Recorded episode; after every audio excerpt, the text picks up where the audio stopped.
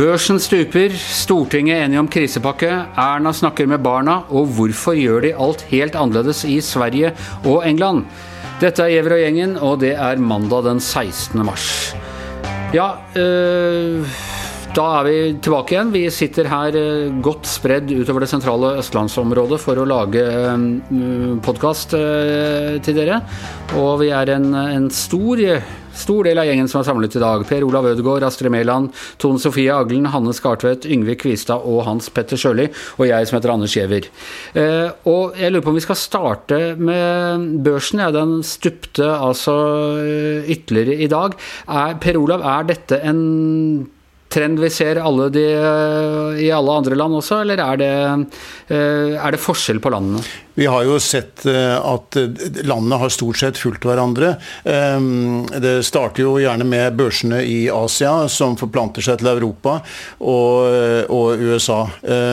Og så har, vært, har vi jo sett at det har variert, da, og at meldinger om tiltakspakker har ført til at det har vært en midlertidig oppgang. Og så har det allikevel blitt snudd til nedgang. Så det er åpenbart mye frykt i markedene. Og eh, Tone Sofie, eh, du var på Stortinget i dag da de ble enige om krisepakkene. Er, hvor glatt syns du det gikk gjennom? Hvor, hvor stor kriseforståelse er det i Stortinget? Og hvor mye fristelse er det til å slå partipolitisk minst her? Det har åpenbart eh, skjedd mye med politikerne i løpet av helga. For vi så jo på fredag, etter at regjeringa la frem sin pakke, så var jo de ulike partiene ut med kreti og pleti om alt fra gratis parkering og bompenger fra Frp til Rødt som ville ha forbud mot å ta ut utbytte. og Man tenkte at det her kan bli ganske kaotisk, men alvoret har åpenbart gått opp for politikerne i løpet av helga. Og det var ganske rørende å se dem stå der side om side med en meter mellom seg. Sylvi Listhaug fra Frp og Bjørnar Moxnes i Rødt, og faktisk eh, både skryte av hverandre, takke hverandre og, og være enige og, og, og, finne en uh, felles løsning som alle sammen erkjenner at kanskje er uh, altfor lite bare om noen få timer. Sang de sammen for livet også, eller det, ble det for mye? ja, det var egentlig bare det som mangla. Og det, jeg satt også etterpå og hørte debatten i Stortinget, og det er tydelig at uh, alvoret har gått opp for politikerne. Og jeg tror også der så har det skjedd utrolig mye på, på veldig kort tid. For jeg, jeg, trodde faktisk ikke før helga at uh, noen ikke skulle benytte anledningen til å bruke det her politisk. Og ikke minst er jeg litt imponert over Rødt som eh, i utgangspunktet syns at det her er en pengebruk som sikkert er eh, normal og sikkert det minste laget, men å se de stå der, det syns jeg faktisk tjener dem til ære. Hanne, hva tror du er, eh, som Olav Gran Olsen pleide å spørre på Dagsrevyen i gamle dager under innstramninger, er dette nok? Nei, det er på ingen måte nok. Det må komme mer, men det er kanskje nok akkurat nå. Og det er jo det man ser, at dette er en krise som eskalerer også på det økonomiske. Så må man ta grep, og ta nye grep fortløpende. Jeg er helt sikker på at det kommer til å komme mye mer. Ja, Og hvor, hvor, hvor er det for lite, først og fremst? Dette er jo en veldig annerledes økonomisk krise i den forstand at plutselig er jo ikke problemet at det ikke er etterspørsel, men det er rett og slett ikke folk til å produsere. Altså Folk må legge ned jobbene sine. Frisører, eh, selvstendig næringsdrivende. Veldig mange mennesker som eh, enten må legge ned sin egen virksomhet eh, inntil videre, eller som blir permittert fordi at det kommer ikke deler inn, det er ikke aktivitet lenger.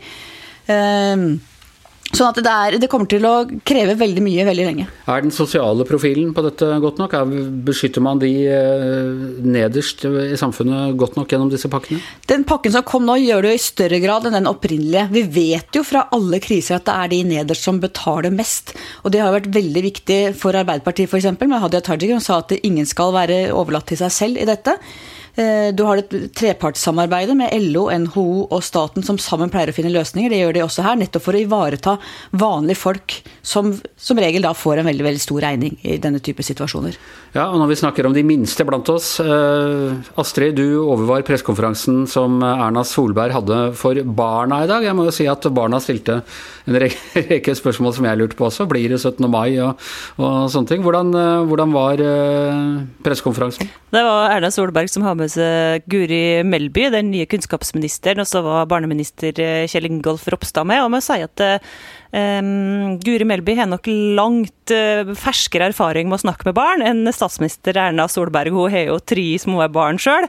Uh, og mens statsministeren snakka om karantene og prinsipielt, og brukte litt sånn ord som min femåring ikke forsto, for han var med og så på, uh, så var Ja, hva syns han? Nei, han syns han var mest opptatt om av um, Eh, han, om når han får leke igjen og, og sånn. Og så svar, synes, Han stilte seg litt kritisk til det Erna sa om at barn og unge rammes mindre og smittes mindre. For han mente da at det må være snakk om fire-, og tre- og nullåringer, mens han sjøl er fem år. Så kritisk allerede nå, som femåring. Hva syns du ellers kom ut av, av pressekonferansen? Er artig da å uh, høre at uh, ungene stiller så artige spørsmål og, og, viktige spørsmål.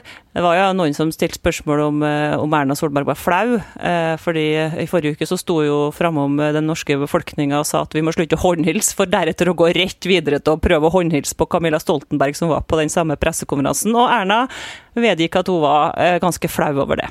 Ja. Tone Sofie, vil du si noe der? Jeg, jeg, det er litt vanskelig for meg her å sjekke hvem som ber om ordet. Noen vil jo sikkert si at Stortinget noen ganger kan minne om en barnehage. Sylvi Listhaug sa jo det en gang, men det er jo et godt grep. Og den danske statsministeren fikk jo også mye skryt for å kommunisere til barn, så det, det er gøy å se at det der faktisk er noe de prøver å gjøre, da. Hanne?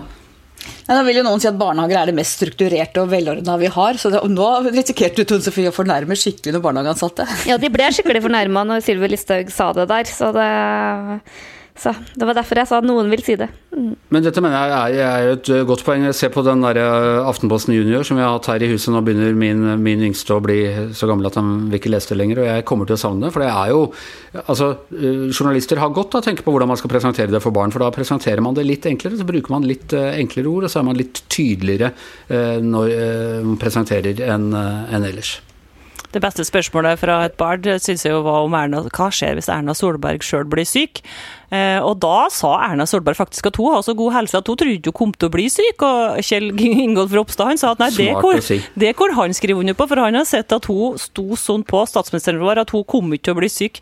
Men de er jo selvsagt i førstelinje her nå, skulle du si. De er akkurat som like utsatt som barnehageansatte, som butikkansatte. De møter jo langt flere enn én til to barn, som er maksgrensa for unger å møte per dag her nå. Og, så det er klart at de er jo utsatt. og skal ikke forundre meg om noen i toppledelsen blir syk. Vi har jo allerede sett at en topp i Helse-Norge har fått korona, og at mange andre etter det har havna i karantene fordi at myndighetene ikke fulgte karantenerådet for vedkommende som kom hjem fra Spania.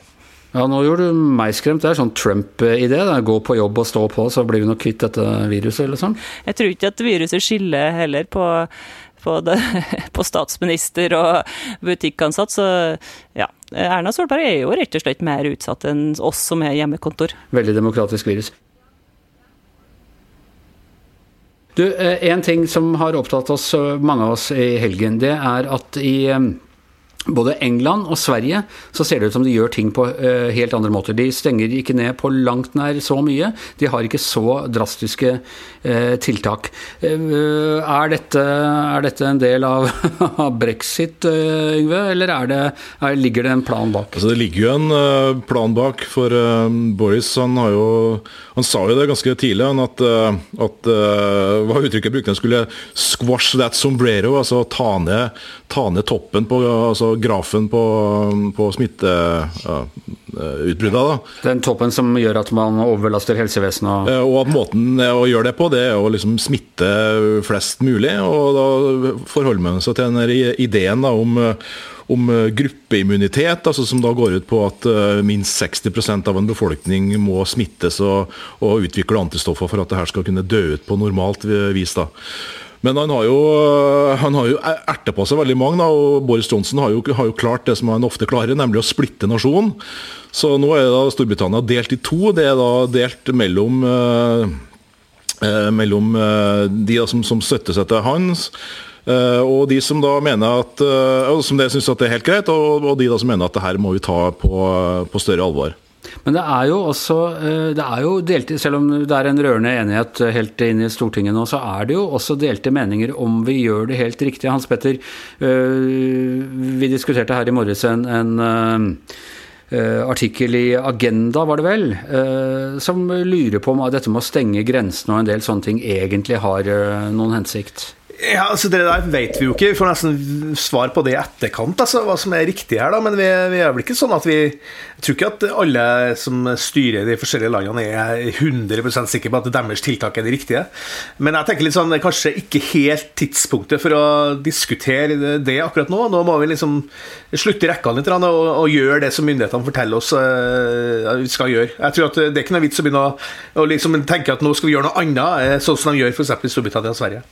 Paradokset er vel at uh, hvis vi gjør de rette tingene, så vil det se ut etterpå som om vi overdrev.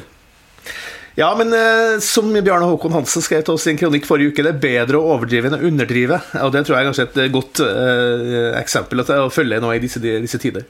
Per Olav, du har jo sett på de, de, mange advarslene må man si, som man har uh, fått om pandemi fra diverse sånne typer krisegrupper og sårbarhetsvurderinger og sånne ting. Har du noe peiling på hvorfor, hvordan vi kunne treffe så uforberedt på en sak som var så til de grader advart om? Jeg synes nesten det var litt skremmende å lese den årsrapporten som de ga ut i i september i 2019, som, eh, hvor Gro Harlem Brundtland er en av de som leder det arbeidet i den Global Preparedness Monitoring Board, som, et, eh, som arbeider sammen med, eh, Verdensbanken og, og, Verdens helseorganisasjon. Og de, de sa at verden er ikke forberedt på en ny en slik helsekrise. Det er en svært reell trussel for en raskt utviklende og dødelig pandemi. Eh, og at det er en helsekrise som vil kunne eh, skape omfattende omveltninger, instabilitet, usikkerhet, og snu økonomien på hodet, som det ble beskrevet. Og dette er den siste, det er bare et drøyt halvår siden den kom. og eh, i, tilbake i 2016, etter ebolaepidemien i Afrika, den store utbruddet der, så var det en annen uavhengig internasjonal kommisjon som ble ledet av det amerikanske medisinske akademiet, som også da påpekte at det internasjonale systemet som skal forhindre og forberede og kunne svare da, på slike utbrudd av smittsomme sykdommer, hadde alvorlige mangler. Uh, man vet på en måte hva som må til, uh, og det er en internasjonal innsats for å oppgradere helse i fattige land, ha et større fokus på å utvikle vaksiner og styrke Verdens helseorganisasjons mulighet da, til å handle raskt. Eh, men viljen blant landene til å satse på mm, Dette er virkelig et global krise, men viljen til å satse på eh, globale løsninger, som nødvendigvis må være en del av, av løsningen her, den har vært mangelfull.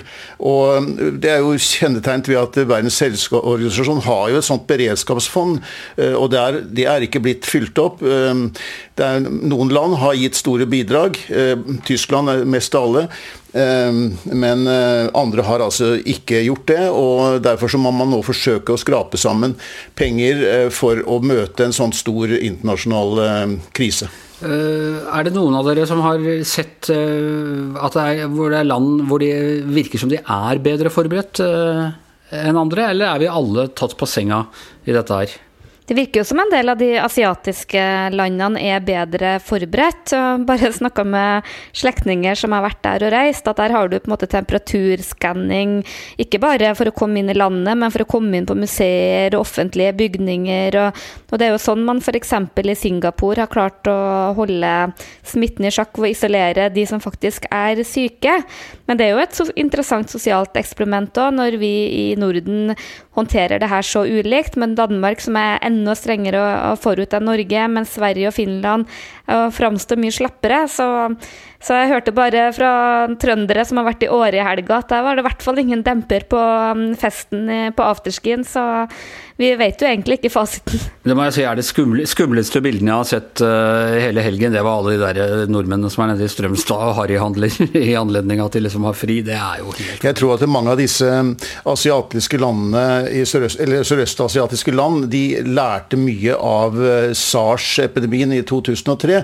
Og de lærte at de måtte være bedre forberedt. Og Sør-Korea lærte også en god del av den epidemien som kom i 2015, den som ble kalt uh, MERS, eh, den var en sånn vekker der. Eh, og de lærte at de måtte være forberedt, reagere veldig raskt eh, og ha omfattende testing og, og følge med på alle sånne smitteveier og, og følge strenge karanteneregler. Og de iverksatte nesten umiddelbart, og de var forberedt på det. Europa og Nord-Amerika har ikke i samme grad hatt sånn nærhet til den type epidemier, og har respondert senere. Selv om vi nok har hatt beredskap beredskapsplaner og, og, slike ting, så har man ikke eh, hatt det så tett på da, som de landene der i Kinas nærområde. Hans Petter? Ja, altså, altså, Det er viktig nå tror jeg å, å se på hvordan at, at, den globale verden vi lever i, ikke skal avskaffes eh, som følge av det her. Så, eh, Trump og USA har jo, har jo forsøkt å kjøpe rettigheter til vaksiner fra Tyskland f.eks. Eh, er, saken er i hvert fall sånn at uh, Heiko Maas, da, utenriksministeren i Tyskland, uttalte seg nå at, at rettighetene til firmaets vaksineforskning ikke er til salgs. da, Og at vi så understreker at vi kommer bare til å klare å slå ned det her viruset om vi står sammen og ikke mot hverandre. og Det tror jeg er kanskje en viktig lærdom å ta med seg nå når grensene reises på nytt, at det her er bare en, en temporær greie for, for å ta knekken på det her viruset. Hanne? Eh, jeg hørte jo på stortingsdebatten tidligere i dag hvor bl.a. Per-Willy Amundsen fra Frp begynte jo å snakke om hvordan dette egentlig viste at det var nasjonalstaten som var den sterke, og at de internasjonale organisasjonene ikke klarte. Og Du kan jo få en sånn type reaksjon nå også. Ja. Eh, og Apropos de som mener sånt, eh, og Trump og USA og, og i det hele tatt trenger ikke å gå inn på hele situasjonen i USA, fordi nå, de har ikke våkna helt ennå. Det er blitt spennende å se hvordan børsen kommer til å reagere der. Men det er, eh, det er jo en liten mini-mini-super-tirsdag der i morgen, Per Olav. Viktige stater som Ohio og Florida skal avgi stemmer i demokratenes eh, nominasjonsvalg. Og det var en debatt der i natt. Blir det valg, tror du, eller kommer de til å stenge det? Jeg har ikke hørt noe annet enn at de har tenkt å avholde valgene, men de skal jo da gjennomføre noen sånne tiltak eh, eh ved valglokalene, med viss avstand mellom velgerne og sånn. Alle, alle, vi som har vært og dekka amerikanske valg og stått utenfor sånne stemmelokaler, vet at der klarer du ikke å holde to meters avstand og, og ordne på den måten der, og samtidig få det avviklet i løpet av et døgn. Nei, men amerikanerne har også en viss sånn erfaring med å stå i kø eh, når det gjelder å gjøre ting eh, i offentlige institusjoner og sånne ting, så jeg vet ikke. Eh, nei, dette kan bli vanskelig. Men de holdt jo lokalvalg i Frankrike i går, og det ble gjennomført der. De sier at det skal gå sin gang, men det er jo typisk da at den debatten som var i går, handlet jo nesten bare om dette om koronaviruset, og om hvordan de ville løse det annerledes enn den nåværende administrasjonen har, har angrepet problemet. Begge de kandidatene, altså både, holdt på å si både Waldorf og Statler, men jeg mener selvfølgelig både Biden og eh, Biden og Sanders har nå lovet at de skal ha, eller i hvert fall veldig sterkt antydet at de vil ha en kvinnelig visepresidentkandidat. Skal vi ta en liten runde på hvem de forskjellige ønsker seg da? Eh, Hanne, hvem vil du ha? Amy eh, Klobuchar? Ja, takk. Ja, Fra Minnesota. Ja, ja. Norsk avstamning. Ja. Per Olav? Um jeg eh, hadde holdt på å si det, jeg hadde ferd med å si det samme som Hanne sa, men uh, vi har jo også en tidligere statsadvokat uh, fra California som var med tidligere i valgkampen. Kamala Harris. Eh, og jeg tror kanskje Camelot Harris kan uh, klikke inn på en god del av de tingene som en visepresident bør ha. Det tjener kanskje ikke til hennes fordel at hun er fra California, som er en stat demokratene kommer til å vinne uansett.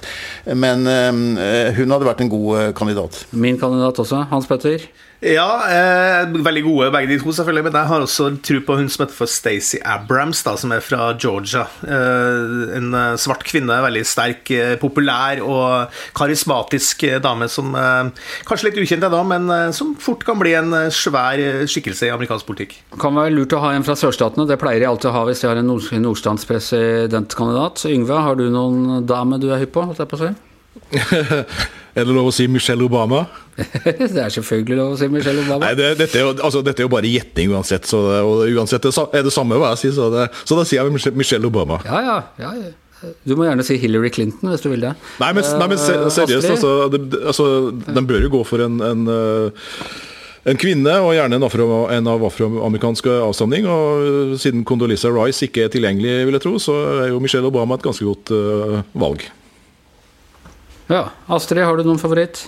Nå prøvde jeg å signalisere her, Anders, at du ikke skulle spørre meg om det greiene der. Å ja, du forsvant fra skjermen der akkurat da. Så Nei, jeg, jeg, det var ikke mulig. Ja, men du Dette du slipper. Er Langt over mitt kompetansenivå, men uh, Ja, det er veldig vanskelig å si navnet på en amerikansk kvinne. Uh, kom igjen! jeg, jeg kommer ikke på noen. ok, greit. Tone Sofie? Nei, da heller jeg en knapp på hun Amy, jeg òg, da. Jeg har ennå ikke lært meg å uttale etternavnet. Jeg rakk jo akkurat å, å lære meg han Buttigieg før han forsvant ut av dansen, så det Da, har alle, da, har, da sender vi det signalet til de presidentkandidatene om hva, hva Giæver og gjengen mener om dette. Og før vi avslutter, vi har snakket litt om behovet for sosialt samvær i disse sosialt distanserte tider. Ehm, så jeg bare tenkte vi skulle ta en liten vi, Tidligere så hadde vi ofte sånne anbefalinger før helgene. Om vi kunne ta en liten runde på hva, hva man anbefaler av fritidsaktiviteter som ikke er i strid med eh, Folkehelseinstituttets eh, direktiver for eh, god oppførsel. Starter med deg, da, politisk redaktør Hanne Skartvedt. Ja, jeg kom med noe veldig lett underholdende, ikke seriøst i det hele tatt. Nemlig på Netflix um, Grace and Frankie. En serie med Lily Tomlin og Jane Fonda i hovedrollene. To gamle damer i 70-80-åra som um, tvinges til å flytte sammen fordi mennene deres har sjekka opp hverandre. En veldig morsom og kul serie. Og det er Martin Sheen og han eh, Sam et eller annet som er, er de to homomennene, også, som også gjør en uh, bra innsats der. Absolutt, absolutt. Eh, Hans Petter? Ja, gå litt opp, da. eh, I hierarkiet, kulturhierarkiet. Jeg anbefaler filmen til Nick Broomfield som heter 'Marianne and Leonard The Words of Love', som handler om kjærlighetshistorien mellom Marianne Ealen og eh, Leonard Cohen. Den ligger nå ute på i hvert fall last ned på iTunes. I hvert fall, og den, Se den filmen med litt kritisk blikk, og les, gjør det gjerne samtidig som du leser Torgrim Eggens eh, biografi over Aksel Jensen, som også var en del av kjærlighetsbohemen på Hydra da, på slutten av 50- og begynnelsen av 60-tallet. Og så kan du med soundtracket er da selvfølgelig So Long Marianne. Selvfølgelig. Eh, Tone Sofie, hva slags anbefalinger har du? Jo, i går så syntes jeg jo litt synd i meg sjøl i mitt eh, hjemmeisolat, så jeg måtte finne noen som hadde verre. Og da tok jeg rett og slett fram en av mine gamle favorittfilmer, Das Båt'. Som skildrer livet i en ubåt, eh, eh, under, tysk ubåt under andre verdenskrig. Som er, jeg syns det er en fantastisk film, og det ga egentlig litt perspektiv på livet. De mangla liksom bare et koronavirus for å ha det ekstra hyggelig. Det var ikke én meter mellom folk der nede. Nei, Det er blitt en TV-serie òg, er det ikke? Jo, men det er jo ikke helt det samme eh, Det, er jo på en måte spint rundt det samme, men det er jo ikke samme mannskapet og, og sånn. Men eh, det er en eh, veldig fin Nei, etterfølger. For filmen er nesten 40, 40 år gammel. Ja, og så er det jo to Ja. ulike varianter. Den korte versjonen ligger nå på Netflix, men nå har vi jo så god tid alle at å ta fram den originale og se hele er jo kanskje å anbefale mest. Ja. Eh, nå kan man se hele den der Fanny og Alexander òg i, i TV TV-versjon. Eh, Yngve, hva er det? Nei, altså Jeg ble jo litt inspirert av den der Matt Hancock, da, som er den britiske helseministeren. For Han har jo sammen med Boris Johnson anbefalt uh, at uh, britiske bilfabrikanter skal begynne å lage eh, respiratorer i stedet for å bygge biler. Og Boris Johnson har jo da eh, tatt kontakt med noe som heter Unipart Group. Det er et holdningsselskap som da bl.a. har eid eh, British Leyland, som er kjent for å lage publikumssuksesser som Austin Maxi, Austin Allegro, Morris eh, eh, Marina. altså Alle de tre bilene er jo kåra til noen av de verdens dårligste og verste som noen gang har uh, rulla på, på eh, britiske og europeiske veier. Hvilket leder meg over til Eh, Faulty Towers. Uh, Basil, Basil Faulty kjører jo en sånn eh, Austin Maxi som han driver blant annet og gir litt juling underveis. Så vi eh, introdusert Fawlty Faulty Towers til barna her en kveld. I, selvfølgelig i solidaritet med briter som sliter. Så det er mitt, min anbefaling. Hotell, hotell, hotell. i særklasse, som den heter på, på norsk. Ja. Eh, per Olav, anbefaling fra deg? Nei, det er Mitt tips til en smule virkelighetsflukt er eh, 'Curb Your Enthusiasm', som eh, er Larry Davids eh, eh, versjon av hva som foregår i California. Dette er jo Seinfeld på en måte flyttet til California. Det var jo han som skrev, skrev de, eller var med å skrive de episodene. Og det er passe absurd og morsomt. Og nå er det ti sesonger av den, og i går kveld så så jeg vel den siste av den tiende, så nå vet jeg ikke helt hva jeg skal gå i gang med, men jeg tar med meg de andre tipsene dere har kommet med. Astrid, hva er dine tips? Nei, på en dag der eh, Oslo Børs har eh, krakka og falt med over 10% så kan man jo lese hva som helst om eh, det store krakket på Wall Street 29.10.1929. Det var altså krakket med 11% så her nærmer vi oss helt enorme Altså jeg leser bare nyheter eh, hver dag om, eh, om, koronaen, og det som skjer nå, er det, ja, det verste jeg har vært med på i, i Norge, så jeg leser egentlig bare det. Ja. Selv har jeg sendt en av mine sønner som ikke er i karantene, inn på eh, platekompaniet på Oslo City for å hente ut TV-versjonen av Stephen Kings store roman 'The Stand', undergangsfilmen. Vi snakka om den, jeg skrev om den her for en uke eller to siden. Men den handler altså om hvordan jorda går under og dreper 99% av menneskene pga. et influensavirus. Så det er litt eh, galgenhumoristisk, eller hva jeg skal si eh, underholdning. Eh, og sikkert ikke for alle smak, men den, så vidt jeg husker, så var den TV-versjonen er såpass cheesy 80-talls eh, at det er, ikke, det er, ikke, så skremmende som dagens, dagens mer sånn realistiske zombiefilmer. Og sånn. Og med det så tror jeg Giæver og gjengen er eh, over for i dag. Eh, vi kommer tilbake i morgen. Vi kommer tilbake hver eneste dag eh, for å holde dere både oppdatert og diskutere de forskjellige problemstillingene. Det blir spennende å se, Hanne, når vi begynner å snakke om noe annet enn korona. Når tror du det blir? Og jeg håper det blir snart, men jeg frykter det er veldig lenge til. Ja. Jeg husker vi hadde samme diskusjonen etter 22.07 også. Gikk da det var gått i halvannen eller to uker, så hadde vi en forsiktig leder om noe annet, tror jeg. Og så liksom gradvis. Men dette henger jo i på en helt annen type eh, måte enn det som var en eh, to enkeltstående hendelser. Eh, så, så bare fortsetter dette. Her er det usikkert både omfang og varighet, og det er en helt ny situasjon. Ja. Ok, eh, med det så eh, takker vi for oss. Eh, til stede via link var Yngve Kvistad, Per Olav Ødegaard, Hans Petter Sjøli, Astrid Mæland, Tone Sofie Aglen, Hanne Skartvedt. Jeg heter Anders Giæver, og i ensomhetsborgen nede i Akersgata sitter vår mann Magne Antonsen og sørger for at alle de forskjellige lydopptakene tråkler sammen. Vi høres igjen i morgen.